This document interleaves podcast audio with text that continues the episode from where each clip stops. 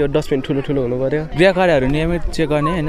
अलिक बुझाउने होइन? त्यो नबुझेकोलाई सोद्धाखेरि अलि यस्तो गरी गर्ने आर्थिक वर्ष दुई हजार चौहत्तर पचहत्तरमा सरकारले दुई हजार त्रिहत्तर सालको माध्यमिक शिक्षा परीक्षामा सहभागी भएका चौबिस जिल्लाका उन्नाइस सय सडसठी माध्यमिक विद्यालयको कार्य सम्पादन परीक्षण गरेको थियो जसमा जम्मा एउटा विद्यालय मात्रै उत्तम भेटिएको छ।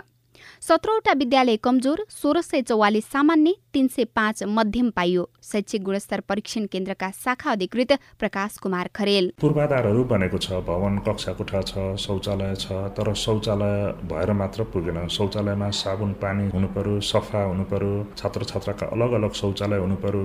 परीक्षण गर्दा के हेर्छौँ भने प्रत्येक कक्षा कोठामा डस्टबिन राखिएको हुनु पर्यो कुचो राखिएको हुनु पर्यो।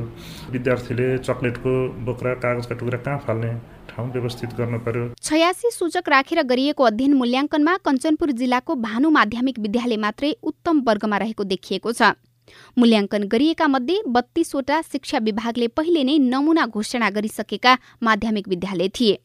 नमुना घोषणा गरिएको सर्लाहीको एउटा विद्यालय कमजोर बाँकी विद्यालय सामान्य र मध्यममा मात्रै देखिएका छन्। शैक्षिक गुणस्तर परीक्षण केन्द्रका निर्देशक हरि अरियाल के हुँदो भने हेड टिचरहरू बढी खुसी हुनुहुन्छ यसमा। किनभने म्यानेजमेन्ट कमिटीको मान्छेहरू कहिले काहीँ झलक जुलुक स्कुलमा आउँछ ल न यसो गरौँ भन्दा टेरी राखेको हुँदैन नि त। अनि उहाँहरूको कुरा त समितिको मान्छेले त्यति धेरै रेस्पोन्स नगरेको हुनसक्छ तर एउटा शिक्षाविद पुग्यो नि त स्कुलमा। एउटा विशेषज्ञले नै यस्तो रेकमेन्ड गरेको चिजलाई हेर्नुहोस् त हामीले त यति धेरै कामहरू गर्नु रहेछ। यी यी कुराहरू ल्याप्सेसहरू रहेछ विद्यालयमा हामीले सुधार्नु पर्ने चिजहरू यो रहेछ भनेर त्यो समितिका मान्छेहरूलाई बुझाउन र रिफर्मको लागि अरू प्लानिङहरू गर्नलाई रिसोर्स कलेक्सन गर्ने अरू रिफर्मको लागि प्लानिङहरू गर्ने एकदम राम्रो। विद्यालयले तोकिएको उद्देश्य अनुसारको पारदर्शिता निर्णय प्रक्रियामा सहभागिता विद्यालयको भौतिक संरचना शिक्षकको योग्यता तथा उपलब्धता र समुदायबाट विद्यालयलाई प्राप्त भौतिक सहयोगलाई लगानी मानेर गरिएको विश्लेषणमा औसतमा सबैभन्दा राम्रो मनाङ र कमजोर भोजपुरका सामुदायिक विद्यालय देखिएका छन्। हामीले यो वर्षदेखि त फलोअपको प्रोग्राम नै राखेका छौँ। कतिपय विद्यालयहरूमा जाँदाखेरि सर एक फेर गरेर छोडिन्छ यो चिजहरू अर्को फेर फेरि के भयो कसो भयो भनेर तपाईँहरू नि फलोअपमा आउनु न। हामी कसैले नझकझक्याएपछि भुलिदिने रहेछ बिर्सिने रहेछ भन्ने जस्तो पनि भयो क्या। पालिकालाई फोकस गरेर धेरै राम्रो गरेको नतिजाहरू दिएको विद्यालय पनि